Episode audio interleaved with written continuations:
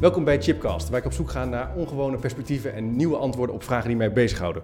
En vandaag staat een hele, hele boeiende vraag centraal. Wat is het menselijk kwaad? Kunnen we het kwaad vandaag de dag verklaren en kunnen we er ook van afkomen? En ik ga dat gesprek voeren met Klaas Rosemond. Klaas, welkom in de uitzending, in de studio. Chip. Leuk dat je er bent. Uh, Klaas, voor degenen die jou nog niet kennen, um, je bent universitair hoofddocent strafrecht aan de Vrije Universiteit in Amsterdam. En je hebt ook in Amsterdam recht en filosofie gestudeerd. Uh, en jij publiceerde ook als filosoof uh, het boek Filosofie voor de Zwijnen over het geluk van mens en dier. En daarna het aardse leven over het epicurisme als levensfilosofie. En um, uh, je hebt de, het boek geschreven De Laatste Filosoof over de laatste levensdagen van een filosoof. Over een man die eigenlijk aan het eind van zijn dagen terugkijkt op zijn leven en op zoek gaat naar zingeving. En de laatste jaren hou jij je als filosoof uitgebreid bezig met het kwaad. Ja. En uh, jij bent ook te gast geweest in de maand van de filosofie vorig jaar, in het kader van het uh, filosofieboek Denken in Organisaties, waar je ook al wel een uh, eerste verkenning deed over dat kwaad. Um, en we gaan dat concept van kwaad wat samen wat verder verkennen. hoe ben jij, wat maakt dat jij zo geïnteresseerd bent in dat kwaad? Um, dat komt door een hele specifieke strafzaak. De zaak tegen, tegen Adolf Eichmann in 19... 61 in uh, Jeruzalem. Uh, en een boek wat de filosoof uh, Hannah Arendt daarover heeft ja. geschreven. Um, en dat is een heel beroemd boek. Dat heet Eichmann in Jeruzalem. En, en, dat heeft als ondertitel De banaliteit van het kwaad. The banality of evil. Um, en ik werd voor het eerst door dat boek geïntrigeerd, omdat twee collega's van mij die hadden een artikel over geschreven, over dat uh, uh, boek en over dat proces. En um, ze hadden daarin geschreven, ja, eigenlijk uh, had Eichmann geen opzet. He, Eichmann was een nazi, ja. een SS'er. hij heeft een lange carrière gehad binnen de Sicherheidsdienst en binnen de SS. En uiteindelijk, het dieptepunt van zijn carrière was um, de, laten we zeggen, de coördinatie van de holocaust. Hij was de, laten we zeggen, de coördinerende ambtenaar vanuit Berlijn om ervoor te zorgen dat uh, de Joden vanuit uh, heel Europa naar de vernietigingskampen werden gedeporteerd. En um, na de oorlog um, was hij onvindbaar. Ja. Um, zijn naam werd wel genoemd in het uh, Nuremberger proces 1946, waar allerlei nazi-kopstukken terecht stonden, zoals Albert Speer en zo, en Geuring. Uh, maar hij was daar um, een grote afwezige. En um, uiteindelijk heeft de Israëlische geheime dienst hem uh, in, in Argentinië opgespoord, waar hij naartoe was gevlucht. En uh, de geheime dienst heeft hem ontvoerd naar Israël. Dat was een enorme diplomatieke rel in 1960, toen ja. dat bekend werd.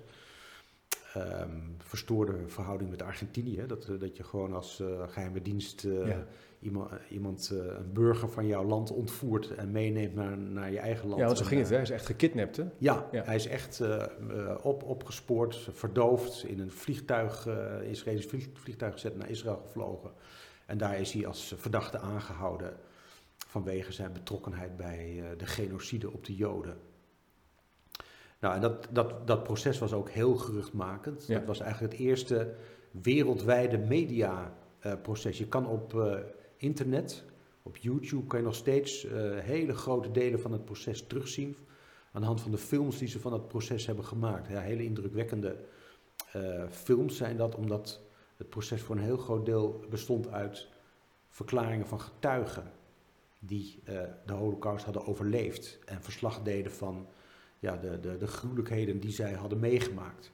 En dat was in Israël en eigenlijk ook wereldwijd, was dat, dat het eerste proces waar de slachtoffers van de Holocaust, in 1961, dus eigenlijk heel lang na de oorlog, waar de slachtoffers van de Holocaust een centrale rol speelden als getuigen. En ook de moord op de Joden het centrale, misdaad, centrale misdrijf was wat, uh, waarvoor Eichmann werd uh, berecht. Ja. In Nuremberg, 1946, die grote nazi-kopstukken, die stonden niet terecht, hoe, hoe, gek het ook klinkt, maar die hebben niet terecht gestaan voor genocide.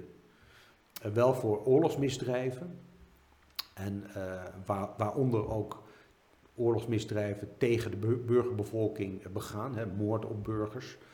Um, waaronder natuurlijk ook um, moord op de Joden. Maar dat was echt een, een onderdeel van de algemene beschuldiging. Jullie hebben oorlog, misdrijven tegen de vrede, agressieve oorlogen beginnen. En dan tijdens de oorlogen die jullie zijn begonnen, hebben jullie misdrijven tegen, tegen burgers gepleegd. Maar dat Ja. was een, een onderdeel van de meer Er waren geen burgers bij betrokken en niet zo zichtbaar als, als toen in dat proces met Eichmann.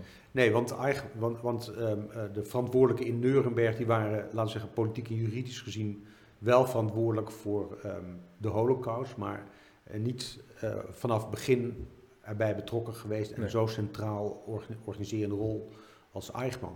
Ja. En eh, wat mij, wat mij ehm, eigenlijk ehm, verbaasde was dat die collega's die dat stuk schreven, op basis van dat boek van Hannah Arendt zeiden, ja, hij had geen opzet bij wat hij deed, hè, bij het organiseren van die, van die eh, deportaties naar eh, de vernietigingskampen. En dat, is, dat, dat was in eerste instantie was dat voor mij als jurist ehm, vreemd, omdat hij wel wist wat hij deed. En dat is eigenlijk al voldoende voor opzet. Als je Ja. weet wat de gevolgen zijn van je handelingen, Ja. dan heb je, dan heb je opzet. En eh, ik heb toen het boek van eh, Hannah Arendt eh, voor het eerst gelezen. Had ik nooit gelezen. 2010, 2011 was dat, denk ik. En ehm, ja, daarin legt zij uit wat zij onder de banaliteit van het kwaad verstaat. Daar zijn ook heel veel discussies over wat ze daar nou precies mee bedoelt. Want dat, dat is een begrip wat ze. Het is niet een filosoof, Hannah Arendt, die heel goed uitlegt wat zij met haar begrippen bedoelt.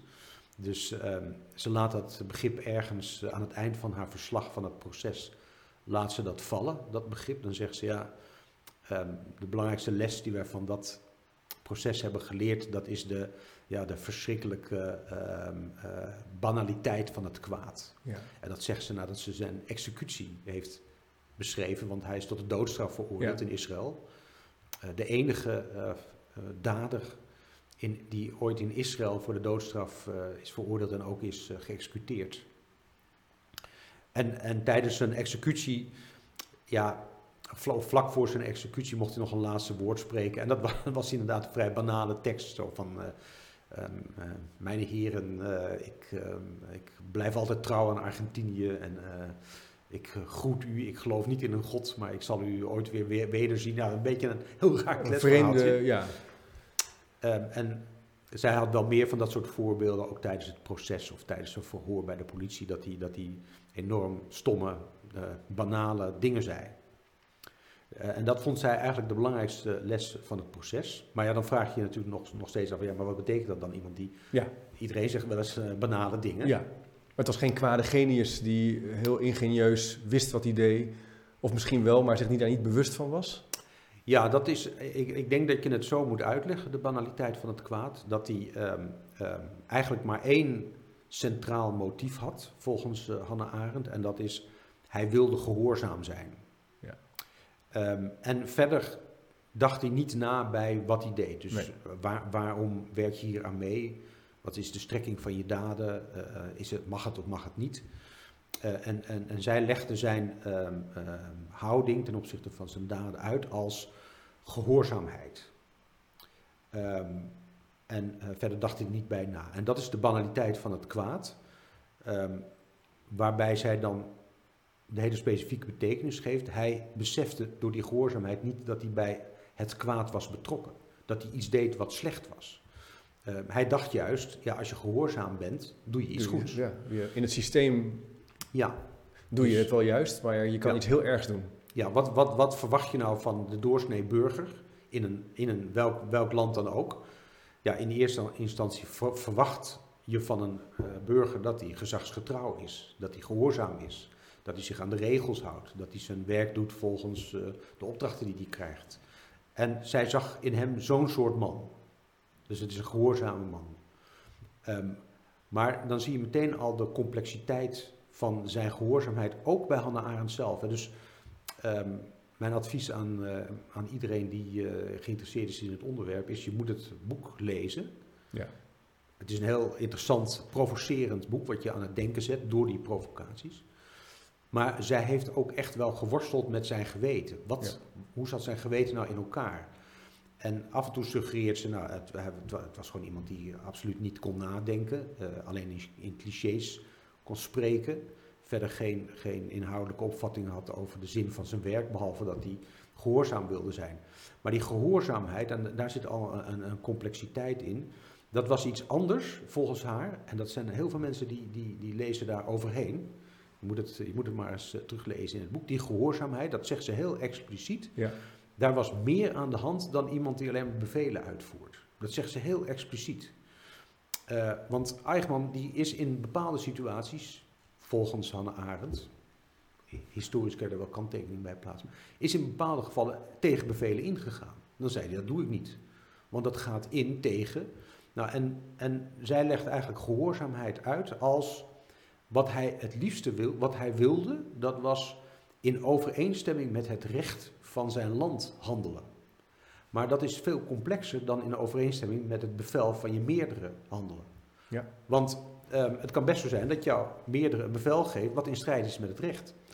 En daar had hij een eigen opvatting over. Dus het was, dan, dan krijg je al de complexiteit bij Hannah Arendt zelf. Dat ze aan de ene kant zegt, ja, hij dacht niet na. Uh, hij was, wilde alleen maar gehoorzaam zijn, had verder geen uh, motieven. Was in, niet in staat om eigen, eigen visie te ontwikkelen over de zin van wat hij deed. Maar aan de andere kant schrijft ze ook, ja, die gehoorzaamheid was complexer. Die gehoorzaamheid die was een wil om het recht te volgen. Nou ja, en, en, en ja, rechtsfilosofen en juristen die weten dat het recht volgen veel complexer is dan een wet volgen. Ja. Of een regel volgen of een, een, een, een, een, een uh, bevel of een opdracht uitvoeren. Ja, maar er kunnen conflicten ontstaan. En dat heeft Ja. ze ook heel expliciet zo Ja, geschreven. je zou, nog, zou het ook kunnen zijn dat als je je alleen maar houdt aan die rechten of het recht volgen, dat, zou die dan nog een eigen moreel besef hebben? Ja, dat had hij dus, Of had hij eh, dat wel? dat had hij dus eh, volgens Hannah Arendt wel. wel ja. Dus ehm, ze stelt ook heel expliciet, en misschien is dat wel het, eh, het hoofdthema van haar boek, of een van de hoofdthema's in haar boek. Had hij een geweten? Had hij een geweten, Had ja. hij een moreel besef van goed en kwaad? En ehm, die, die vraag beantwoordt zij nadat ze daar echt onderzoek naar doet. Dus in die zin is het een boek wat probeert te inventariseren hoe het geweten van Eichmann functioneerde.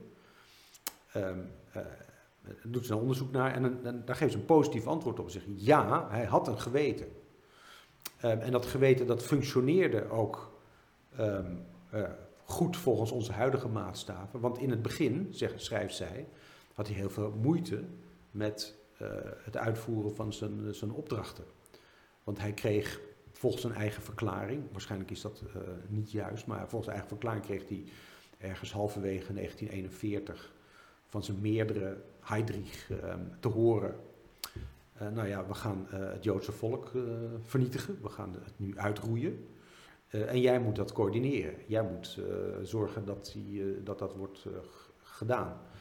En Hannah Arendt suggereert dat hij daartegen was. Dus dat hij buitengewoon gechoqueerd was door die opdracht die hij kreeg. En hij, heeft toen ook, hij is toen ook naar eh, plaatsen geweest waar executies plaatsvonden. Hij heeft vergassingen bijgewoond. En hij heeft altijd gezegd, ook bij de politie, en ook ehm, in, in, toen hij in de jaren 50 in Argentinië eh, ehm, sprak met een eh, SS'er, hij is heel uitgebreid eh, geïnterviewd ooit door een, een eh, journalist met een eh, SS-verleden, een Nederlander, Willem Sassen. eh, gigantische gesprekken meegevoerd. Bizar. Heel apart, een heel apart geschiedenis van, van, van het Eichmann-verhaal. Maar hij heeft altijd gezegd, ja, die executies, dat, dat kon ik niet verdragen. Dat was verschrikkelijk. De, de hersenen die spatten op mijn uniform. En, Dat is niks voor mij. Nee. Dat kon ik niet aan. Nee, dat, zou ik nooit, dat, zou ik, dat soort werk zou ik nooit Dus kunnen blijkbaar was dat een moment dat hij wel degelijk geconfronteerd werd met zijn eigen goed en fout, zijn eigen. Ja, ideeën over wat kan en wat niet kan. Ja, en hij, hij, ehm, hij eh, heeft toen ook, zegt Hannah Arendt, heeft hij zelf ook wel gezegd eh, tijdens een proces, heeft hij de eerste deportaties die hij moest eh, uitvoeren van Joden vanuit Oostenrijk naar ehm, Polen, die heeft hij niet, hij moest ze eigenlijk deporteren naar plaatsen waar executies uh, plaatsvonden, massa-executies van Joden. En hij heeft, al, hij heeft gezegd, dat, dat weigerde ik te doen. Ik heb ze naar, naar een andere plaats eh, eh, gedeporteerd. Want ik wilde niet eh, meewerken met die executies. Dat ging tegen mijn geweten in. Dus hij, hij, hij had een geweten Ja, en dat functioneerde op een bepaalde manier. Ehm, alleen toen eh, werd er eh, bij zijn meerdere geklaagd van ja, die Eichmann die doet zijn werk niet. Eh, hij stuurt ze naar de verkeerde plaats. Ze moeten ergens anders naartoe. Dan is hij op het matje geroepen. En toen heeft hij zich aangepast, geconformeerd aan zijn, aan zijn taak. Zoals hij dat zelf heeft verteld. En ehm, is hij mee gaan werken met de organisatie van de Holocaust. Wat, en dat, dat was natuurlijk een enorme opgave, logistiek gezien, wat, waar Ja. hij voor aan de, aan de lat werd Ja. gezet. Ja. Was hij daar, klinkt een beetje gek, was hij daar trots op? Of was hij Ja, content hij, met eh, wat hem was gelukt? Ja, hij. eh, nou ja, dat, dat hele verhaal wat ik net vertelde. Dat, dat was een verdedigingsstrategie van Eichmann tijdens het proces. Ja, ja. Hè, om te laten zien wat, wat, ik, wat er gebeurde. Dat ging tegen mijn geweten in. En Hannah Arendt die gaat daarin mee. Maar ehm, in, in het vonnis van de rechtbank, en dan krijg je nog weer een, een complicatie. In het vonnis van de rechtbank staat al, ja, dat geloven we niet. Nee. Dat dat tegen je geweten inging. Je wist toen al dat die mensen uiteindelijk allemaal zouden worden vermoord nadat Ja. ze waren gedeporteerd vanuit eh, Oostenrijk. Dus ehm, dat hele verhaal wat je hier vertelt, dat dat eh, met je geweten te maken had, dat is, eh, Dat is niet, nee. een leugen. Ja. Ehm, en dan zie je, het verschil, zie je ook verschil tussen, tussen de, het vonnis en Hannah Arendt, het verslag van Hannah Arendt. Hannah Arendt die gelooft eigenlijk globaal alles wat, wat, wat Eichmann zegt. Ehm, en ze zegt ook, ja, helaas eh, geloofde de rechtbank hem niet. Ehm, en de aanklager geloofde hem niet. en zelfs een advocaat geloofde hem niet. Maar we moeten er toch van uitgaan dat het waar was wat hij eh, zegt. Ja. Dus eh, je moet, zij, zij gelooft hem wel. Ja. Voor de, af en toe zegt ze ook wel heel expliciet, ja hier, dit is weer typische Eichmann-leugen. Maar in, in grote lijnen volgt zij zijn verklaringen over zijn geweten en over waarom, die, eh, Ja. hij, waarom hij meewerkte. En dit was dus voor jou het begin om, of het begin, eh, om een studie te doen naar dat kwaad. Naar wat het eigenlijk is. Je hebt die, eigenlijk die Eichmann-processen gebruikt als aangrijpingspunt om je er verder in te verdiepen. Zou je het Ja. wat is het? Kunnen we het kwaad omschrijven? Zou je zover kunnen Ja. gaan dat er een definitie of een omschrijving van te geven is? Ja, nou wat, wat ik in, in, in mijn boek, eh, Het Menselijke Kwaad, binnenkort in de boekhandel. Ja, ja. ik heb hier de, het manuscript, een stuk van het manuscript. Ja, ja, wat ik probeer te doen, dat is... ehm, wat, ehm, Hannah Arendt die zegt, eh, we hebben hier te maken met eh, de banaliteit van het kwaad. En dat is een nieuwe vorm van kwaad. Dat is een kwaad die afwijkt van ehm, het traditionele kwaad. En het wijkt af in de zin van, we hebben hier te maken met iemand die gehoorzaam wil zijn. Dus uiteindelijk, zegt zij, als je aan het begin had hij gewetensproblemen, weigerde hij mee te werken. Maar uiteindelijk is dat geweten omgekeerd, zegt zij. Dat was nog steeds een geweten.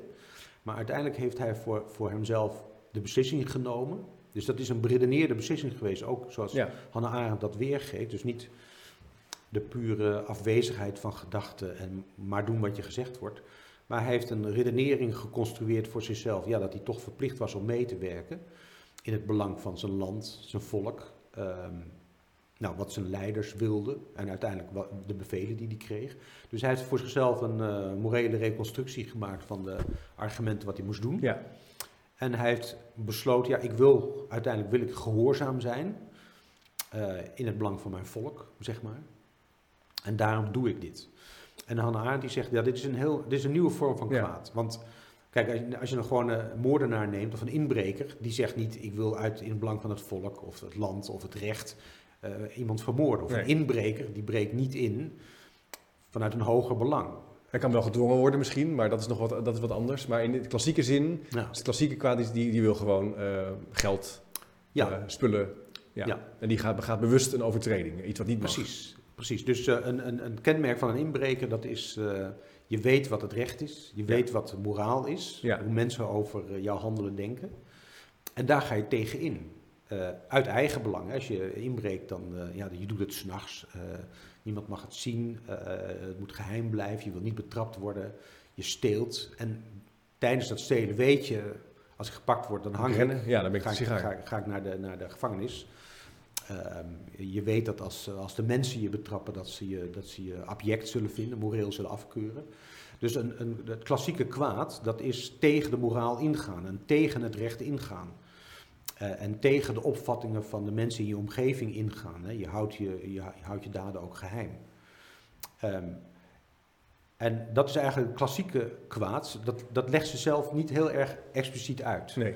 Ehm, dus wat ik heb geprobeerd is vanuit haar idee over de banaliteit van het kwaad, iemand die uit gehoorzaamheid handelt, proberen om een definitie te formuleren van het klassieke kwaad, van de inbreker of de moordenaar. En van daaruit dan te, te, gaan kijken wat is nou het verschil tussen iemand als Eichmann en ehm, de klassieke moordenaar of inbreker. Ja. En als je die verschillen ziet, ja, dan moet je dus inderdaad een nieuw idee hebben van het kwaad. Om uh, die gedragingen van Eichmann, die natuurlijk extreme vormen van kwaad zijn. Het meest extreme kwaad wat wij kennen uit de geschiedenis. Hè, dat je een volk uitroeit. Jarenlang systematisch op de meest verschrikkelijke manier. Ja. Extreme gruwel van, van, van, van zijn misdaden.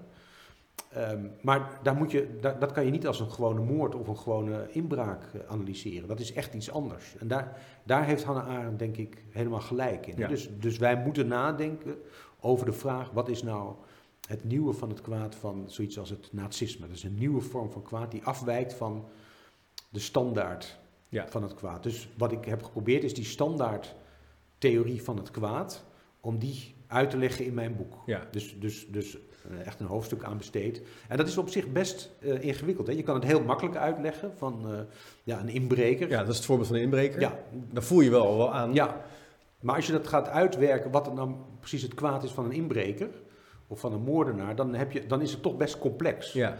En dat zie je ook wel terug in bijvoorbeeld een rechtssysteem. Hè. Een rechtssysteem dat is complexer dan, ja, we betrappen iemand tot inbraak en, ja. en, en dan moet hij de gevangenis in. Ja.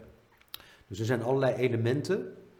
Uh, nou, je, uh, het is een schadelijke gedraging, hè, inbraak of moord. Ja, je brengt schade toe aan een ander. Ja, dat zou heel duidelijk een criterium kunnen zijn. Dat is, dat is, dat is het eerste criterium. Voor. Dus ja. ik heb eigenlijk drie, drie, de drie elementen van het kwaad, zou je ja. kunnen zeggen. Dus de eerste is je brengt schade toe ja. aan een ander. Ja. Bewust. En dat is het tweede criterium. Tweede, dus je doet het bewust. Want kijk, als je, je hebt natuurlijk heel veel vormen van onbewuste schade. Ja. En dat kan je dan niet, dat kan je niet zonder meer het kwaad noemen. Nee. Dat, is, dat is ook al ingewikkelder. Um, het, het grote, het, het, waar, waarom kan je dat het menselijke kwaad noemen? Ja, het, het grote verschil tussen een mens en een orkaan of een tsunami of een, uh, een, een, blikseminslag, dat is dat een mens, als hij een bepaalde vorm van kwaad begaat, dat bewust doet. Ja. dus uh, je kan een, een, een rivier niet aansprakelijk nee, stellen voor nee. de overstroming, waardoor Harry Mulisch die heeft ook een boek geschreven over het Eichmann-proces. Ja. Uh, en die, was eigenlijk, die had eigenlijk hetzelfde soort analyse van Eichmann als uh, Hannah Arendt. Dus die uh, verschilt niet van mening over, over die banaliteit van, van, van Eichmann. Ja, dus de mens is uniek. Wij kunnen, ons, wij kunnen kiezen om te handelen. En een rivier kan niet kiezen, een dier kan ook niet kiezen. Ja. Hoewel wij natuurlijk wel dieren... Nou goed, en dus als wij bewust kwaad toebrengen aan een ander... dan hebben we al twee van de drie criteria te pakken. Ja. In de klassieke kwaaddefinitie. Ja, dus bewust schade toebrengen aan een ander. Ja. Uh, dat, dat schadebegrip dat kan je nog wel kwalificeren. Want niet iedere vorm van schade die is uh, zo ernstig dat je dat een kwaad kunt noemen. Dus het moet wel een bepaalde omvang hebben. Dus een filosoof, uh, Claudia Card, C-A-R-D, achternaam, die, die heeft dat uitgewerkt in wat zij the atrocity paradigm noemt het vreedheidsparadigma. en die zegt van ja, um, bepaalde vormen van schade die moeten een bepaalde omvang hebben. Die moeten verwoestende gevolgen hebben voor de slachtoffers. Dat je levens vernietigt. Hè. Dat kan natuurlijk door, letterlijk door moord. Maar dat kan ook door deportatie, uh, verkrachting, uh, stelselmatig uh, stelen. Opnemen van de vrijheid. Ja, mensen in slavernij brengen. Ja. ja. De, dus dat, dat, dat, verwoestende aspect voor het leven van een ander, dat, is vereist om schade te kunnen ja. promoveren tot het kwaad. Ja, dus daar moet je wel een soort graadmeter voor hebben. Ja. En dat is dus die atrocity. Uh... Ja, dus dan kan je bij, bij een inbraak kan je, kan je afvragen of dat wel het echte kwaad is. Ja. Het is, het is, ja. Je zou ook kunnen zeggen dat is, uh, je hebt gradaties van het kwaad, zou je ook kunnen zeggen. Dus je hebt het kleine kwaad ja. en het grote kwaad.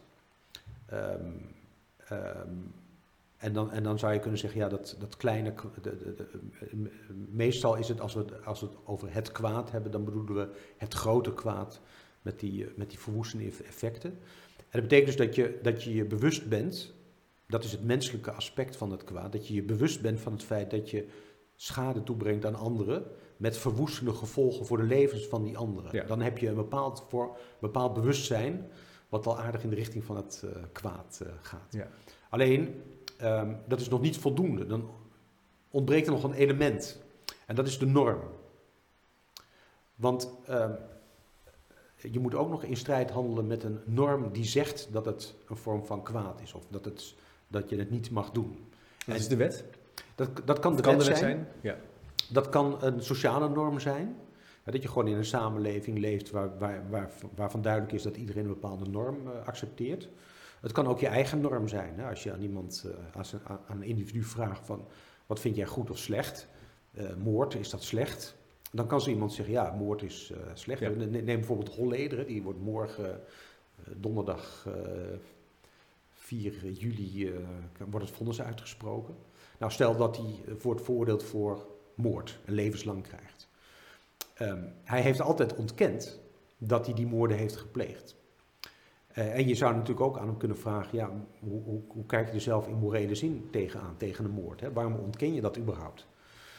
Eh, nou ja, dat heeft natuurlijk een strategische eh, Ja, reden. Van, als ik eh, ga bekennen, dan, ben ik, eh, dan hang ik. ja, dus je weet dat het strafbaar is. Dus de, de, de, de norm als strafrechtelijke norm, die ken je. Daar wil je weg van blijven. Ja, de norm als sociale norm, die ken je ook. Je weet dat iedereen die naar dat eh, proces zit te kijken en de kranten leest, dat die allemaal denken, ja, als hij dat heeft gedaan, is het een echt slechterik. Is een enorme slechterik. Dus het interessante, en dat is ook echt een probleem bij het eh, kwaad, hoe moeten we dat nou duiden, hoe verklaren? Wat is nou zijn eigen norm? Is het nou, vindt hij dat nou zelf ook slecht, dat hij moordt? En Ja, als hij dat is- slecht vindt, waarom doet hij het dan? Dat is natuurlijk een hele spannende, want het kan ook nog wel zijn dat in zijn sociale kringen waar hij zich in begaf, deze norm misschien wel oké Ja. was. Dat je zegt, ja, daar leggen we elkaar om Ja, als het ingewikkeld wordt. Of Ja, ik krijg je gewoon niet- een stomp op je neus. ja, als ik dat niet zou doen, dan zou het niet meer serieus Nee. genomen worden. Ja, En- dus en, het, en, en dan word je misschien opgevoed met een, met Ja. een bepaald moreel besef, Ja. Die later maatschappelijk gezien niet wordt. Ja. Maar jij zegt van, je moet een norm zijn, ja. en die zou je ook individueel, die zou je op verschillende manieren in- kunnen definiëren. Ja. Je kan hem aan een individu vragen, of aan een groep, samenleving, of aan de wet bijvoorbeeld. Ja. ja. Ja, dus drie, eh, laten we zeggen drie eh, invalshoeken. Ja, En in bepaalde gevallen vallen die natuurlijk samen. ja, Dus, eh, dus moord is een misdrijf. ja, Iedereen in de samenleving keurt het af. ja, En ehm, waarschijnlijk de dader zelf ook. Als je aan de dader zelf vraagt, is moord slecht? Dat, dan zal die... Ja, maar interessante, in, is een hele interessante kwestie wat, hoe daders zelf hun eigen gedragingen eh, duiden. Eh, maar hij weet dat het eh, een misdrijf is, dat hij levenslang Ja. kan krijgen als, als hij wordt betrapt. Hij weet dat sociale afkeuring over bestaat. En dan is het inderdaad een soort zwart gat van wat is nou zijn eigen geweten daarover? Hoe denkt hij daar zelf nou over? Een hele intrigerende, moeilijke kwestie. Maar dan heb je dus het derde element van het kwaad. Hè? Ja. Dus eh, je verwoest eh, levens van anderen. Dat doe je bewust. Hè? De, de Holleder die geeft daar gewoon de, de opdrachten voor. Eh, en je handelt in, ook wel bewust in strijd met de norm. Dus je bewustzijn is, moet best ingewikkeld in elkaar zitten. Je weet dat je, dat je handelingen bepaalde gevolgen hebben. Dat ook willen bewerkstelligen. En weten dat dat in strijd is met een, met een norm. ja. Dus je kent, je kent de norm. En dan Dan is vraag, je volgens mij aan, dan ben je Ja. slecht. dan ben je slecht, dus dan heb je, dat is de klassieke de- omschrijving van het kwaad. Ja, Eh, nou herinner ik me nog toen ik over Eigenman las, ik heb ooit dat boekje van Harry Mulisch ook gelezen, voor mij toen ik op middelbare school zat.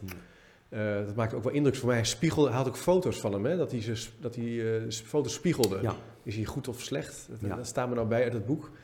Ja. Maar de vraag bij Eichmann en ook wat Hannah Arendt natuurlijk zegt van die banaliteit, het niet handelen, het bewust niet denken, eh, dat dat ook een, voor mij zei Hannah Arendt ook zoiets van je zou nog wel iets van verzet kunnen laten zien. Je kan allerlei dingen doen Ja. in plaats van eh, totaal niks doen. Je had eh, de schroeven kunnen losdraaien van de locomotieven, Ja. je had rangeerterreinen kunnen veranderen, je had een kleine wagon kunnen... Je, er zijn kleine dingen die, ja, die we wel hadden kunnen doen, of die hij bewust niet heeft gedaan. ja. Is dat, die, is dat dan die andere vorm van kwaad? Het, het niet Nou, denken, het niet handelen? Nou, wat, dat van, van Harry Moeders is heel interessant, want die heeft een, een er was een foto van, van Eichmann. Ja. En dat is, die is half belicht. Dus dan zie je, Oh ja, ja. dan zie je de, de ene helft van zijn gezicht in het licht en de andere in de schaduw.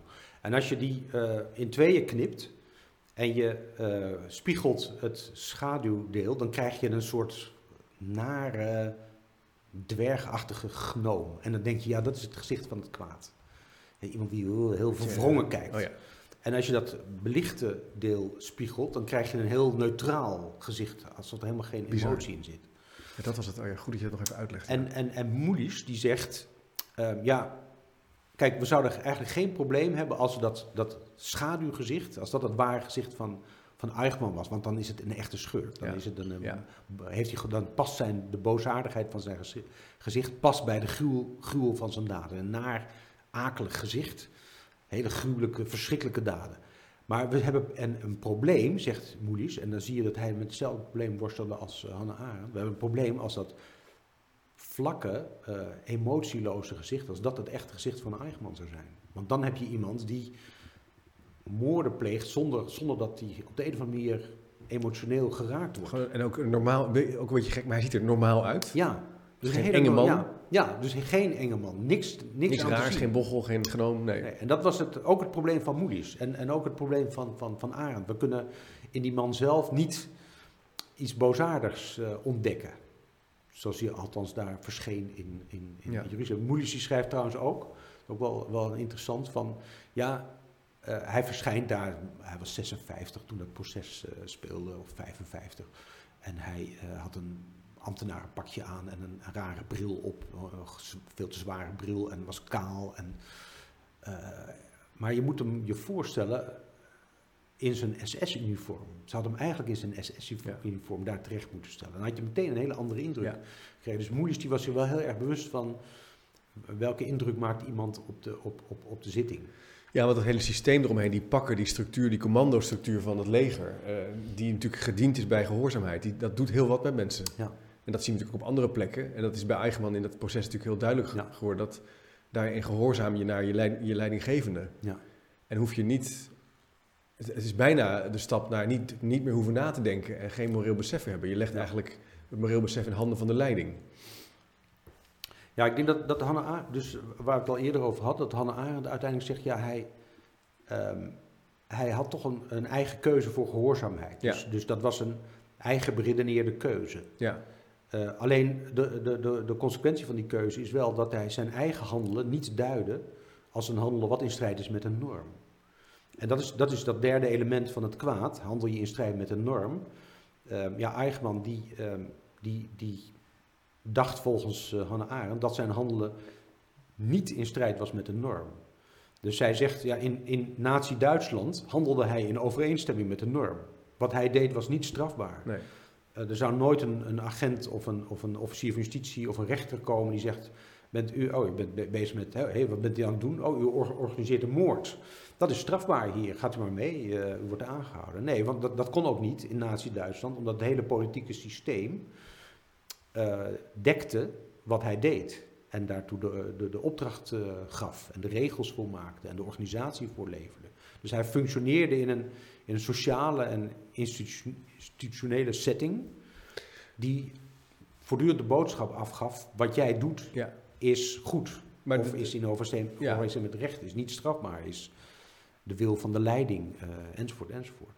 Maar dat is natuurlijk de ultieme vorm van macht en controle op een, op een groep mensen, is een nieuwe norm creëren. Ja, die eh, universeel is en waar is, waar je niet aan mag twijfelen, dan kan je natuurlijk heel groot kwaad doen. ja, En als je dat gestructureerd optuigt, ja, dan kan je hele erge dingen doen waar later inderdaad andere groepen mensen van zeggen, ja, dit is... Maar de vraag is natuurlijk, is er iets van een universele, ja, universele norm? Je zou kunnen zeggen, ja, het, deporteren op zo'n manier, het zo omgaan met mensen, vinden wij universeel als mensheid ja, verwerpelijk en, en het kwaad. ja. Ja. Maar dan krijg je dus de discussie, dat is een hele moeilijke discussie, eh, bestond die norm op het moment dat hij handelde? Ja, Ehm, hij is in Israël eh, veroordeeld voor genocide. En genocide dat is eh, ja, mensen uitroeien met de intentie eh, om een volk te vernietigen of een deel van een volk. En in Israël hadden ze een strafbaarstelling gemaakt uit 1950, stamde die. Gebaseerd op het genocideverdrag van 1948. Dat is allemaal na de oorlog. Hè. Dat zijn dus normen die na de oorlog zijn, tot stand zijn gekomen. En eh, ja, die zeiden van het is inderdaad een, eh, een, een misdri- misdrijf eh, om, mensen te vermoorden met de intentie om een volk te Ja. vernietigen. ja, Maar dat is dus een norm die is ontstaan na de oorlog. En ehm, tijdens de oorlog was er niet, in, in Nazi-Duitsland was er in ieder geval niet een strafbaarstelling van genocide. nee. En ook in het internationale strafrecht was er niet zo'n algemene strafbaarstelling. En daar hebben ze in, in, in dat proces in Jeruzalem hebben ze daar ook echt mee geworsteld. Van hoe kan je dat nou rechtvaardigen dat je iemand straft op basis van een eh, bepaling die pas die achteraf is. ja. eh, ja. Want het is een heel belangrijk principe dat je iemand alleen maar kan straffen op basis van een norm. Je kan inderdaad iemand alleen maar kwaad, slecht of misdadig noemen als er een norm is die dat, die dat aanduidt. En die norm die is eigenlijk ja, ontstaan naar aanleiding van eh, de misdaden van de nazi's. En je kan je, kan je heel erg eh, afvragen of die norm op dat moment bestond. Je had wel bijvoorbeeld de, de, de, de genocide op de Armeniërs in Turkije. Ja, die wordt ook Eh, ontkend, hè? Door, Ja, nou ja, je, je, er, zit, er, zit ook nog wel een juridische, er zit ook nog een juridische discussie achter van wat is een genocide. Hè? Dus je kan, je kan massamoord plegen, dat is nog niet een genocide. nee, Je moet de intentie hebben om een volk uit te Ja. En ik, volgens mij zeggen de Turken, dat is best een eh, lastige kwestie ook weer. De Turken die zeggen van, eh, ja, er zijn veel slachtoffers gevallen bij eh, deportaties van, van Armeniërs. Dat ontkennen we niet. Maar we ontkennen wel dat wij de intentie hadden om het Armeense volk uit te roeien. En dat is op zich, dat gaat een, haalt een beetje, verdwijnt een beetje naar de achtergrond. Maar voor juristen is dat een moeilijke dat vraag. is een moeilijke vraag om te beantwoorden, ja. Ja. En waarom is het vandaag de dag belangrijk om het over het kwaad te hebben? Wat, wat, eh, in de zin van, eh, is het, je zou kunnen hopen dat het recht het helemaal duidelijk heeft uitgekristalliseerd, maar toch is het ook wel een hele actuele vraag waar jij vandaag de dag nog mee bezig gaat. Ja. Wat maakt het belangrijk?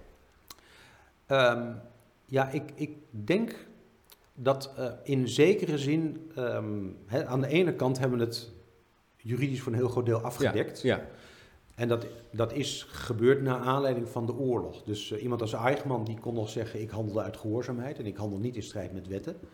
Maar nu kan iemand die een genocide pleegt, kan dat niet meer zeggen. Dus ehm, Assad in Syrië, eh, die kan niet zeggen, ja, ik wist niet dat er zoiets als internationale misdrijven Nee. eh, bestonden, of eh, genocide, of eh, misdrijven tegen de menselijkheid. Ehm, het meest extreme voorbeeld daarvan is misschien wel eh Srebrenica, hè, Ja. Mladic.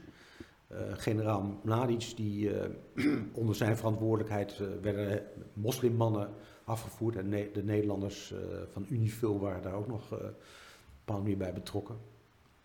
Konden, niet ingrijpen.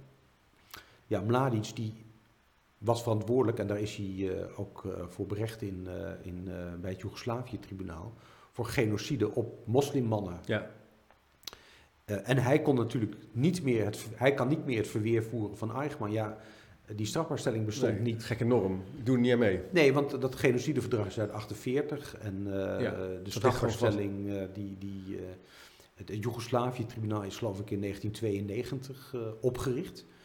Dus het bizarre van zo iemand als Mladic, dat is dat hij dus donders goed weet, in het licht van wat er in de geschiedenis is gebeurd en wat er is strafbaar gesteld, dat, dat hij onder internationale misdrijven valt. Ja. En wat er natuurlijk wel gebeurt, dat dit soort eh sujetten af en toe het recht verwerpen. Of zeggen, ik, ik Ja. erken dit systeem niet. Ja, Dat was laatst ook weer in het nieuws met die man die die verschrikkelijke aanslag in Utrecht heeft gepleegd. Van Ja. ik ben geen democraat, ja, ik herken dit recht niet. ja, Dus ik erken, de norm niet. ja. Maar ja, wat, die, die, ja wat, wat, wat is daar dan op de reactie? Nou, ik, ik denk dat het he- heel belangrijk is allereerst om vast te stellen dat deze mensen die norm wel kennen. Oh ja, dus ja, je, precies. voor het verwerpen van een norm moet je hem kennen. Oh Dus, dus. Dan, dan, dan hebben ze al een bepaald soort verhouding tot, tot de norm. Ja. Je, je, je voelt je er hoogstens niet prettig bij. Je zegt Ja. van, eh, ja. Dus, eh, dus eh, zo iemand die kan zich niet verweren met, ja, die norm bestond niet, of die was onkenbaar, of wat dan ook. Dus zijn positie is eigenlijk gespiegeld, of hoe zeg je dat, wezenlijk anders geworden door berechting van mensen als Eichmann. Ja. Dus, de, dus onze perceptie van het kwaad is daardoor ook veranderd. We weten nou veel beter, in zekere zin, wat het kwaad is. Onze kennis van het kwaad in morele zin en in juridische zin is toegenomen. En dat geldt ook voor de daders. Ja. Die weten veel beter wat het kwaad is Ja. dan, laten we zeggen, eh, voor, de, voor de Tweede Wereldoorlog. En toch doen ze het. ja. Dus in zekere zin zijn ze daardoor slechter. Slechter dan toen. Want ze zijn zich Ja. bewust van de norm. Ze weten Precies. en ze besluiten er toch dus tegen zegt van, van- dus gaan, in zekere zin gaan ze meer lijken op een klassieke moordenaar. Ja. Omdat dit mensen zijn die wel bewust de regels overtreden. Dus de strafrechtelijke regels. En ze weten ook dat het morele regels eh, zijn. En toch doen ze het. Ja. Dus dat is, dat, is, dat is het probleem van het kwaad. eh, je- denkt dat als je de norm duidelijk maakt, hè, genocide mag niet, dat het dan niet meer gebeurt.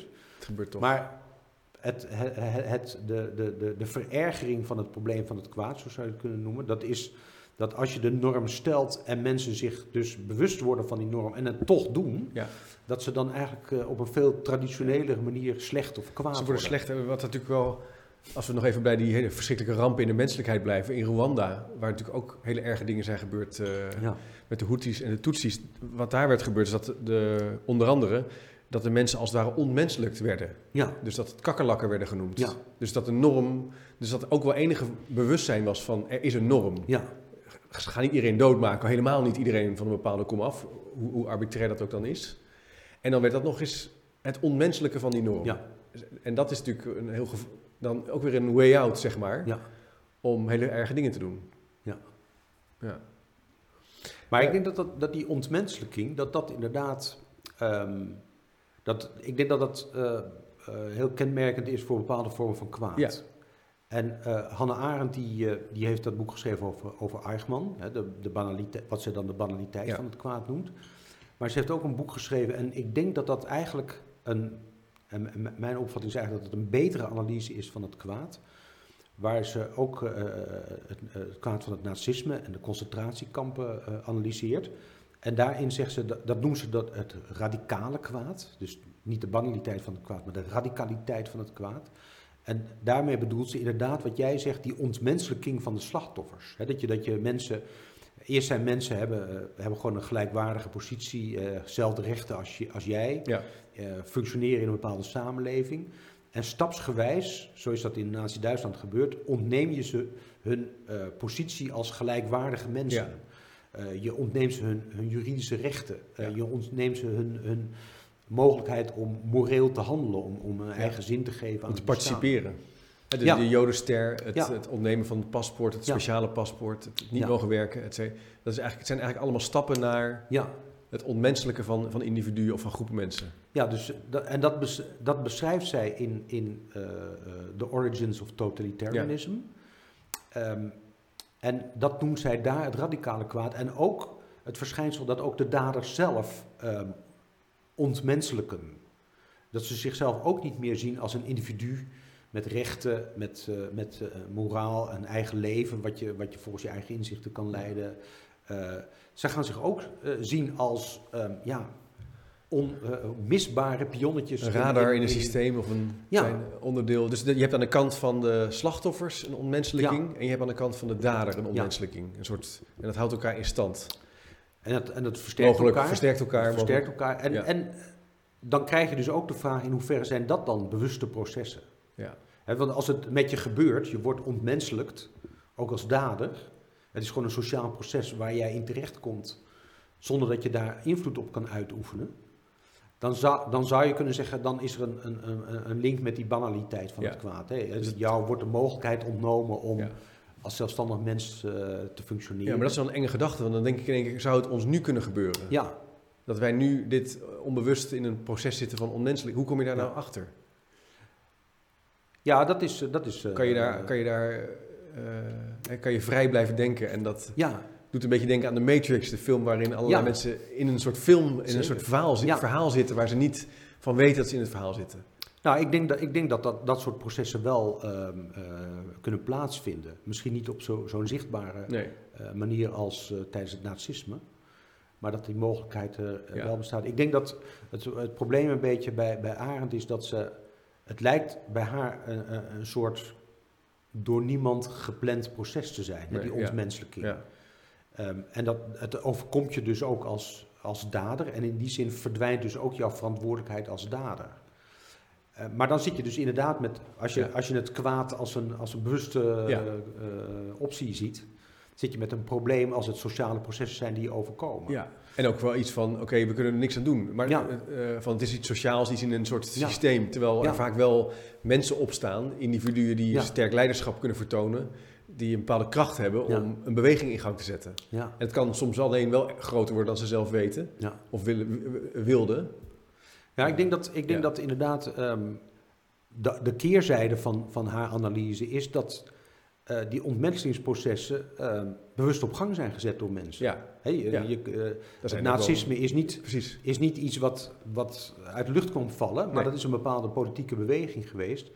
En het kenmerkende van die beweging is juist niet de gehoorzaamheid. Hè. Dus het nazisme was een revolutionaire beweging. En mensen die, hè, laat zeggen, voor de machtsovername van de nazi's eh, die beweging hebben opgezet, ehm, verzetten zich tegen het systeem zoals dat bestond. Daar maakten ze analyses van. Ze zeiden van ja, dit systeem moet vernietigd worden, moet eh, verdwijnen. Het nazisme als systeem, ja precies. En dat waren de voorloop.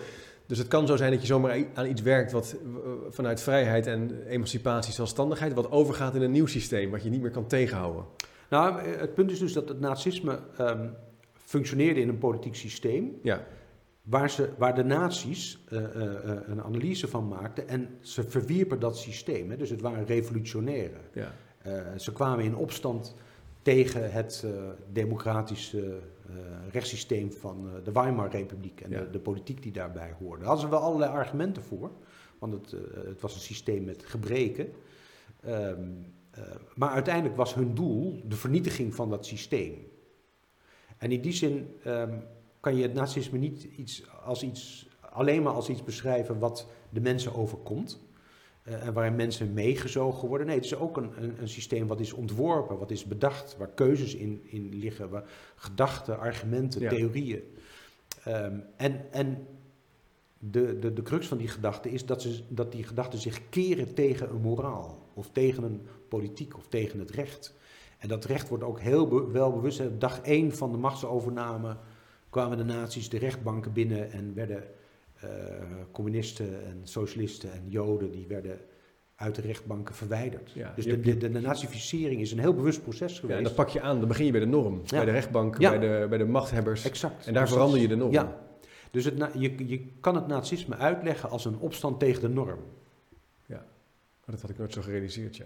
Ja. En En dat, is het- is, is het nou dat zo- verandert ook een beetje die analyse van Arendt, omdat ja, zij ja, Ja. iemand als Eichmann beschouwt als een gehoorzaam iemand. Maar je kan hem dus ook beschouwen als iemand die in opstand kwam tegen de norm. Ja, de vraag alleen wat er, wat er voor in de plaats kwam. Ja, dat was, dat was, Was een, eh, een racistische Een racistische ideologie. ide- ideologie. Ja. Ja. Is het nou zo dat we, als je het hebt over het kwaad, misschien is er dan meteen al wel de vraag bij van hoe ontkom je eraan? Hè? Hoe, hoe, hoe kunnen we het tegengaan? Hè? Een beetje denken aan Star Wars, hè? bij eh, de Dark Side. Hè? Ik Ja, weet of je die films... eh, Zeker. Ja, toch? Dat is, hè? De Dark Side begint ook hè, bij jaloezie, ja. afgunst. Dus het begin ook in Lord of the Rings, in The Hobbit, in heel veel verhalen natuurlijk is afgunst, jaloezie. Ja. eh, hetzelfde willen hebben als de ander, het begin van een soort donkere kant. En daar moet altijd het licht tegenover staan. Hè? Ja. Het witte versus het zwarte, de overwinning van het goede. Ja. Kunnen we er nou... ehm, eh, dus dat kwaad roept een beetje de vraag, kunnen we eraan ontkomen? Kunnen we het koud stellen, zeg maar, als het ware? En je, daar heb je al iets over gezegd, van die norm, die ontwikkeling van, van die norm is daarin Ja. belangrijk. Ja. Dat helpt. Ja. Maar het aan de andere kant, waar ben jij uitgekomen nu, nu het manuscript bij de, bij de uitgever ligt? Nou, ik... ik ehm, Ik ben je hoopvol. Nou ja, laat, laat, laat zeggen dubbel. Ik, ik, eh, in die zin is eh, Hannah Arendt wel een hele inspirerende eh, filosoof. Dus ik ben het niet met al haar analyses eens. Hè. Die banaliteit, ik denk dat daar ook een, een heel stuk eh, opstand, revolutie, ongehoorzaamheid juist tegen de norm in zit. En ehm, dat kan je ook wel uit haar werk, werk halen, maar daar, daar is zij zelf niet, eh, daar is een beetje, een beetje dubbel in. Maar wat ze, de kracht van haar werk, en vooral dat boek van, eh, over, over Eichmann, dat is een, een, een genadeloze kritiek op iedereen die weigert te oordelen. Dus zij, zij analyseert Eichmann als iemand die uiteindelijk geen zelfstandig oordeel had over de waarde van wat hij deed. Hè, waarom, waarom heb je meegewerkt aan de moord op honderdduizenden mensen? Waarom? Ja, dat kreeg, ik kreeg een opdracht van, van, van mijn meerdere en daarom deed ik het. Ja, oké, maar wa- waarom was die opdracht er dan? Wat is de, de zin achter, achter die hele Ja. operatie? Ja. Ja, en in Jeruzalem viel die dan stil. Hij, hij had daar geen, daar mening, hij- geen opvatting nee, over. daar Dus kon hij- je daar zegt kon van dat het gevaar is eh, je niet, niet uitlaten, niet oordelen Ja. over het, wat je doet. Dat is Ja. gevaarlijk. En, en zij is er niet alleen kritisch over tegen, tegenover eh Eichmann, maar bijvoorbeeld ook de Joodse raden. En daar is ze waarschijnlijk te ver in doorgeschoten. Maar Joodse raden, die door de nazi's werden ingesteld, dus die onder ongelooflijke terreur en, en, en, en dreiging van, eh, van, eh, van, van moord handelden, eh, echt een hele andere situatie dan zo iemand als Eichmann, die, Ja. eh, die genoot van de macht die hij had over anderen. Maar die werkte ook mee. Ja. En eh, zij zegt ook, ja, dat, dan, dan heb je dus geen oordeel over, over datgene waarin je meewerkt. En eh, ik heb net een boek gelezen van eh, de, historica eh, Katja Happe ehm, eh, over de jodenvervolging in Nederland. En vlak na de machtsovername van de nazi's vluchtte de Nederlandse regering en het Koningshuis. En de hoogste ambtenaren in Nederland, dat waren de secretarissen-generaal van, van de ministeries. En die hebben toen een verklaring afgelegd dat ze op de meest loyale wijze zullen meewerken met de politiek van de bezetters. Ja, dat is eh, een gruwelijke verklaring natuurlijk. Ja. Als je kijkt Ja. wat, wat, wat, wat, wat die bezetters vervolgens hier Wat in hebben Nederland gedaan. hebben gedaan. Ja. Maar ook als je kijkt wat ze toen al hadden gedaan. Hè, in 1940, dat, toen waren de nazi's al zeven jaar aan de macht. Waren ze al bezig, ja. Ja, als je- als je gewoon een-. Als je gewoon een moreel oordeel zou vellen over, als ambtenaar over wa- waar gaan we nou aan meewerken. Wat, heb, wat weten we over zeven jaar Ja. eh, nazi-beleid in Duitsland, Oostenrijk, Tsjechoslowakije. Ja, dan kan je daar niet aan meewerken. Maar die mensen hadden dus geen eigen moreel oordeel, zou je kunnen zeggen. Nee, zo, ze, maar misschien waren ze wel heel bang. Dat, Ja. eh, en natuurlijk met de dreiging van eh, Rotterdam gebombardeerd. Ja, Eh, dreiging van Utrecht plat. Dat, zou, dat een, zou dat een verklaring kunnen zijn? Dat je denkt, ja, ik moet echt oppassen nu. En zoals die Joodse raden ook, ja, ik moet wel meewerken, anders Ja. gaat mijn hele familie. wordt, ja het is, het, de, de, de, de, de tragiek ehm, is dat, dat een van de eh, excuses die dan altijd wordt gezegd... ja, we deden het om erger te voorkomen. ja, Maar ja, wat is nou erger dan een Ja. genocide? ja, Dus er, ja, er is Het is niks ergers. En je zegt dus, het, het geen, niet hebben van een oordeel is daarin heel opmerkelijk en ook wel echt heel gevaarlijk. Nou ja, dat is, dat is de stelling van, van van Arendt. Je, je- wat jij zegt, dat is natuurlijk ook eh, een mogelijke verklaring... dat, dat mensen uit angst hebben meegewerkt. Maar Hannah Arendt die zei er altijd over... ja, je, je kan altijd nog niks doen. ja. Dus Ja. ehm, als je geen enkele mogelijkheid tot handelen hebt... kan je je gewoon ont- ont- onthouden van handelen. ja, dan, doe je gewoon, dan blijf je gewoon thuis. Ja. En dan kijk je wat, er- wat er verder gebeurt. Maar je gaat niet meewerken. Nee, meewerken is wel een ander uiterste meteen. Ja, me- op de meest loyale wijze meewerken. Dat is, dat is eh, Ja. in het licht van wat de nazi's toen al hadden gedaan... is dat onvoorstelbaar. Dat is onvoorstelbaar, ja. En als je die... Achteraf. We praten natuurlijk altijd achteraf, maar eh, Ja, in die situatie zelf dan krijg je natuurlijk ook altijd de vraag. Hè? Wat jij zegt is terecht, van de, die mensen waren misschien doodsbang. ja, Maar dan kan je natuurlijk ook de vraag stellen, ja, waarom ben je dan doodsbang? veel erger dan dit kan er niet. Nou ja, dat betekent dus dat, dat jij denkt als ambtenaar, ik word vermoord als ik niet meewerk. Ja. Maar dan ga je dus wel meewerken aan het vermoorden van andere mensen die, Ja. die dat weigeren. En dan kom je ook terug Dus van... klopt, idee- dat klopt Nee, klopt niet. dus redenering. En dan is het eh, ieder voor Ja. zich.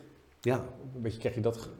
ja Hannah Arendt die zegt, eh, ehm, ja, wa- wat, je, wat je dan nog als uiterste kan doen is gewoon eh, niets doen. Niks, niks doen, op je handen gaan zitten. Ja.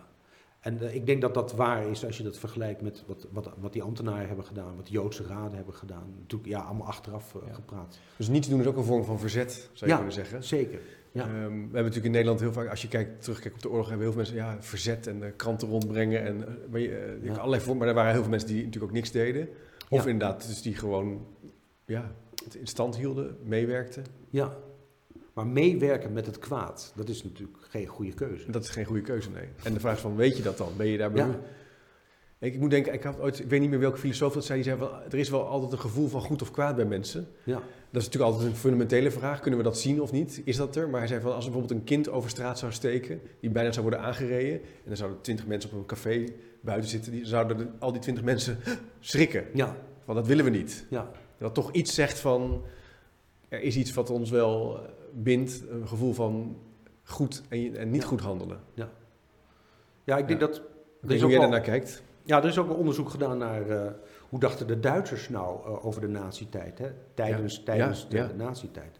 En het interessante is dat de nazi's daar zelf onderzoek naar deden. Er was een... ja, de, de geheime diensten die hadden gewoon informanten in de samenleving. Een soort eh, eer, voor eerste opinieonderzoeken deden die. Waar ze ook aan, over rapporteerden aan de, aan de Sicherheidsdienst. Van hoe, de- hoe kijkt de bevolking nou aan tegen, tegen het beleid van de nazi's? Ja. En ze konden eigenlijk vrij goed ehm, registreren. Die archieven die zijn op een gegeven moment na de val van de muur teruggevonden in, eh, ergens in het Oostblok.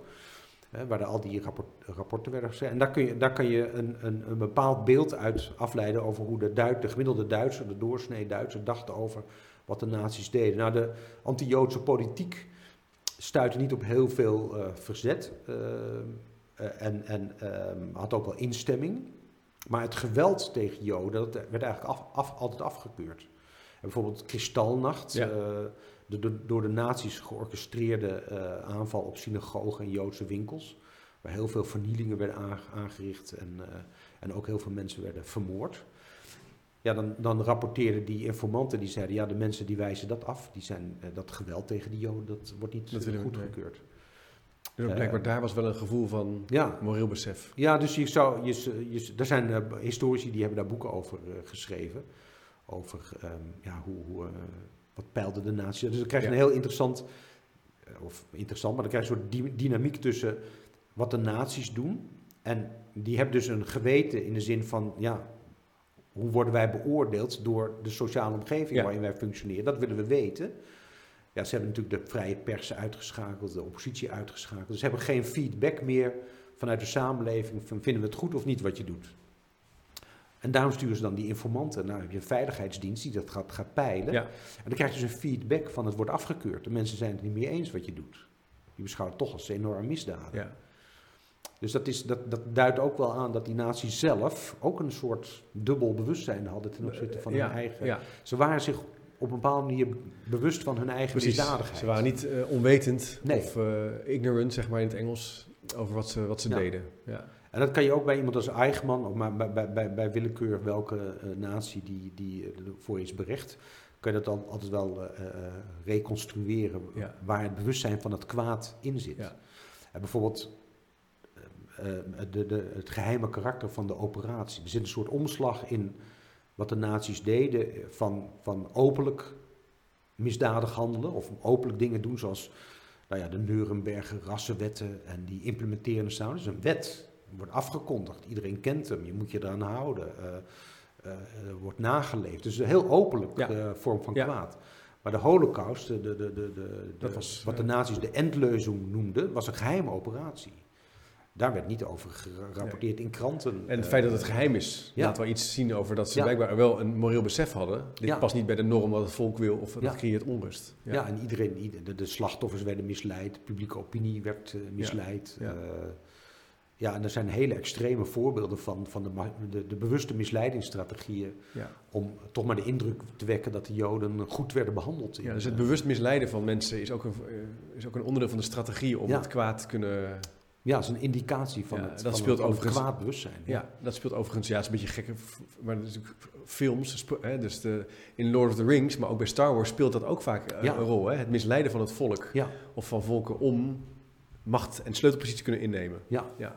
En de onzichtbaarheid. En de onzichtbaarheid, ja. De ban van de Letterlijk. ring. Dat je, dat je een ring hebt die je onzichtbaar maakt en je daardoor in staat stelt om... Uh, het kwaad te begaan. Heel boeiend, uh, Klaar. We hebben um, al best wel wat concepten van het kwaad zo weten te verkennen. Je kan er prachtig over vertellen, vind ik overigens. Oh, heel, heel leuk. Ik heb nog ook wat vragen van luisteraars. Ja. Um, die zijn soms wat praktischer van aan. kijken of we misschien twee of drie kunnen behandelen. Kijken wat je daarvan vindt. Ik vond ze wel heel treffend. De eerste is, wordt gesteld door Karin Winters via Twitter. Die zei van, word je nou met het kwaad geboren volgens jou? Is het iets wat in de mens zit of ontwikkelt het zich geleidelijk? Het is een beetje de nature-nurture ja. discussie. En als we dat weten, zou je er dan ook vanaf kunnen komen? Hoe kijk je naar... Nou, ik denk dus, dus mijn, mijn opvatting over het kwaad um, is um, niet dat het aangeboren is. Nee. Dus iemand als Eichmann, die was niet in de wieg al een heel slecht iemand. Nee. En ook iemand als Hitler niet. Uh, of Milosevic. Of, of, uh, um, mijn, mijn opvatting is wel dat mensen op een bepaald moment een keuze voor het kwaad maken en daardoor slecht zijn. Dus op het moment dat ze die keuze maken, uh, dat is het eigenlijk het moment dat je zegt, ja, daar, toen je die keuze maakte, werd je slecht. En ik denk zelf dat die, ja, dat is, dat is een hele ingewikkelde discussie inderdaad. Zit, het, zit het in je genen? Nou, ik denk niet dat het biologisch uh, gedetermineerd is, dat bepaalde mensen die keuze maken. Zit het in de omstandigheden? Nou, die, die kunnen natuurlijk wel een rol spelen in de zin dat ze je je keuze faciliteren. Dus uh, iemand als uh, Eichmann, die kan in bepaalde omstandigheden een keuze maken, waardoor die en, en daarna weer keuze en... En, en, ja. en, en, en opeenschakeling ja, van momenten. En, en, na verloop van tijd heb je, heb je de grootste misdaden gepleegd. Ja. En bij, bij Eichmann, het interessante bij Eichmann is, uh, vind ik altijd wel dat hij Ehm, hij, hij sloot zich in 19- 1932 aan bij de, bij de Nazi-partij in Oostenrijk, niet in Duitsland. Ehm, en hij werd toen ook lid van de SS in Oostenrijk, eh, niet in Duitsland. Dat was toen eigenlijk al een beetje een criminele organisatie, de SS. Dat was een soort eh, Ja. eh, bewakingsdienst Ja. van, van, van nazi-leiders. En, en die pleegde daar toen eigenlijk al vrij veel geweld, hè, met vechtpartijen met communisten en zo. En toen werd de, op een gegeven moment werd de nazi-partij eh, en de SS verboden in Oostenrijk, na de machtsovername in Duitsland. Want in Oostenrijk waren ze bang dat de nazi's daar ook een eh, machtsovername zouden plegen. Dus toen wa- was hij opeens lid van een illegale beweging. Dus dat, dat, eh, toen moet hij een besef hebben gehad, wat ik doe, dat is in strijd met de normen Ja. van mijn samenleving. En toen is hij naar, naar Duitsland gegaan. Dus hij heeft Hij op is een nog gegeven verder moment- eh, de- ja, dus, mee ja, dus bezig. hij, heeft, hij een keuze gemaakt om partijlid te worden. En in een bepaalde omstandig, sociale omstandigheden waarin dat een omstreden keuze was. En, en, en hij is naar Duitsland gegaan. Ja. Als hij echt een gezagsgetrouw burger was, dan had hij zijn eh, SS-uniform aan de wil gehangen, want dat was verboden. En dan was hij een keurig hij zich tot... sales manager geworden bij een eh oliemaatschappij. Dat, dat, dat was, dat was Ja, dat was- zo'n soort baantje ja, had, hij, ja. had hij al. Al eerder gehad. Hij was werkloos toen hij naar Duitsland ging, maar hij had gewoon als vertegenwoordiger bij. Hij had dus de keuze. En het zijn dus momenten. Ja, ik denk dat je bij, bij iemand als Eichmann heel duidelijk kan aanwijzen: kijk, daar, heb je Ja. een, daar zit je in een situatie waarin je een keuze maakt. Ja, maar bij mensen, bij alle, misschien wel bij alle mensen. Jij Ja. als jurist zal er ook naar kijken als je Ja. naar een strafzaak kijkt. Er is een moment geweest dat Ja. je besluit, ik gooi dat raam in en ik pak die laptop. ja. Dat is de, het is niet een, tenzij je kan aantonen dat je geestelijk niet in orde bent en dat je, Ja. Dat, dat je daar medicatie voor krijgt en dat een psychiater dat Ja. kan vertellen. Denk ik dan, hè? ik ben geen rechter, maar toch, Ja. er is een moment. Ja, dat is, dat is de veronderstelling inderdaad. Dat je, dat je die, die keuze op een bepaald moment op een bepaald moment kunt maken. En daarom ook verantwoordelijk bent voor je voor handeling. je Als het volledig gedetermineerd zou zijn. Als, eh, als eh, biologen een, een kwaadgen zouden ontdekken. En dan gewoon zeggen, ja, wij, wij Nee, maken een DNA-analyse van jou. Ja, je hebt het kwaadgen, dus eh, Ja. er moet een speciale toezicht op jou komen. Of een ge ge genetici, we mo- moeten een gen daar zijn hele enge science fiction films over gemaakt. overigens. ja. We zullen wat linkjes op de website daarover plaatsen. Dus ik denk, dat het, ik denk niet dat het, dat het eh, in je zit, maar Nee. dat het een keuze is. Misschien dat er wel bi- biologische factoren eh, een rol kunnen spelen, maar dat, volgens mij Nee. hebben ze die nog niet echt ontdekt. Nee, het is de vrije keus. En so- ik denk ook wel sociale factoren. Nou ja, bijvoorbeeld hoe iemand is opgevoed. Dat is wel algemeen erkend. Ja. Dat eh, iemand Ja. als Holleder bijvoorbeeld. Ja, Ik denk niet dat het kwaad in hem zat toen hij werd geboren. Maar dat, dat hij wel een bepaald soort jeugd heeft gehad. ja. En dan op een, in een bepaald milieu terechtkomt waarin die keuzen kan maken Ja. die, die eh, Het kunnen uiteindelijk... natuurlijk herleiden naar armoede, Ja. geweld in de gezin. Ja. eh, ja. ja, en het is wel spannend, dat, dat resoneert nog even in mijn hoofd, dat het niet hebben van een oordeel erover. Dat het toch wel, dat het die banaliteit is, dat je daar, je- dat je, dat je het kwaad doet en niet eens weet dat je, of, mening hebt over dat, dat je dat doet. En dat ja, dus ik, ik denk dat als je, als je van die keuzetheorie uitgaat, dat, Ja. dat dat idee van een oordeel wel Ja, heel belangrijk dat is belangrijk, ja. Dus dat je dat, dat, dat eigenlijk eh, dat, je, dat je in een omgeving zou moeten leven ehm, waarin jou duidelijk wordt gemaakt, je moet altijd een eigen oordeel vormen en dat Ja. moet je volgen. Hè? Dat Ja. is de filosofie van Hannah Arendt. Het is natuurlijk heel spannend dat in, in organisaties je soms ook wel eh, als professional verwacht wordt om je eigen oordeel uit op te schorten. Ja, en je te committeren aan een gemeenschappelijk doel. ja, En dat kan heel ver gaan. En de vraag is eigenlijk of dat ook niet heel gevaarlijk is. ja, In, dat, in de zin dat dat dus keuzemomenten faciliteert die richting het kwaad gaan. ja, Ja, dus je kan zeggen, ja, we doen dit omdat, dat, omdat wij nou eenmaal winst moeten maken. Daarvoor ben ik aangenomen, ik moet Ja. dit doen. En, eh, en wat in, zekere zin was die hele deportatie ook een onderneming. ja. Dat zal een bedrijf zijn geweest, die hadden boeken, Ja. jaarrekeningen, eh, logistieke, megaklus. ja maar goed. Misschien dat we daar nog een keer over doorkomen. Nog, nog één andere vraag. Eh, ik kan ze niet allemaal behandelen, maar die van Pieter Jan van Wijngaarden vind ik wel een hele boeiende vraag. Het lijkt er wel op, zegt hij, dat de mens in de 21ste eeuw, of nu zeg maar in 2019 zo, langzamerhand een beetje het kwaad is geworden. Vroeger was in de, na de schepping, hè, de mens als kroon op de schepping, in de verlichtingsfilosofie, de mens als autonoom zelfstandig denkend wezen. En nu, ja. Ja. je mag niet meer vliegen, we verprutsen de wereld, het is allemaal Ja. een beetje somber. Ja. Eh, is dat ook het kwaad? Ja, ik denk dat de als mens je, het kwaad is? Dat we Als je kijkt naar eh, wat, we, wat we hebben aangewezen als de drie elementen van het kwaad, dan zie je ten eerste dat wij dat eh, mensen, ehm, het menselijke handelen schadelijke gevolgen heeft. Ja. Ehm, eh, en dat, op, op, op een bepaald moment constateer je dat. En dus dan ontstaat er een bewustzijn van die schadelijke gevolgen. Dus als je, eh, nou ja, bijvoorbeeld klimaatverandering en de gevolgen die dat heeft voor miljoenen, misschien wel miljarden mensen, eh, dan, dan, dan, dan heb je inderdaad een nieuwe vorm van kwaad waarvan je zegt, dat, he, dat is echt het grote kwaad met verwoestende gevolgen, misschien wel voor, voor, echt voor hele grote delen van de wereldbevolking. En op het moment dat je je dat realiseert, ben je je daarvan bewust. Ja. Dan ben je daarvan bewust. En dan ontstaat er de vraag, ja, is er een bepaalde norm die zegt dat wij daarvoor verantwoordelijk zijn, dat wij ons anders moeten gaan gedragen, uh, omdat die gedragingen de gevolgen zijn, of die gevolgen, die, uh, dat, dat, dat, dat, is het gevolg van ons gedrag. Ja. Wij hebben ons leven zo georganiseerd dat dat de gevolgen zijn. Op het moment dat je dat beseft, ontstaat eigenlijk ook de norm uh, die zegt we moeten, we moeten iets anders gaan doen. Ja. Want anders heeft het sowieso voor jezelf kan het hele schadelijke gevolgen hebben. Maar je kan natuurlijk zeggen, nou ja, goed, de echte, dat, dat de echte, echte, we nog wel. Ja. echte grote leed, dat gaan wij misschien niet weer mee, meemaken. Maar we kunnen nu al voorzien dat dat voor heel veel mensen, een onbepaalde categorie, maar echt, ja, misschien wel veel groter dan genocides die ooit zijn gepleegd, heel veel mensen daardoor geraakt zullen worden. En dan zit je inderdaad met een enorm bewustzijn van het kwaad. Ja.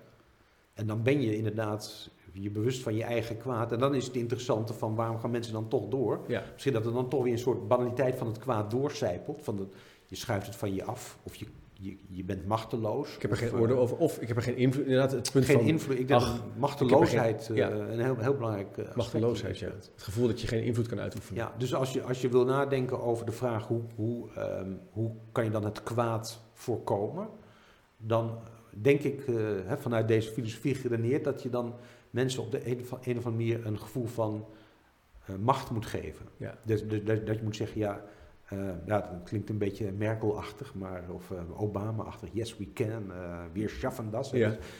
Dat kan ook heel, heel erg mislukken natuurlijk. Hè. Dat, dat, dat zie je bij, bij uh, weer Schaffendas van Merkel. Dat is echt uh, politiek gezien helemaal verkeerd uit, uitgepakt.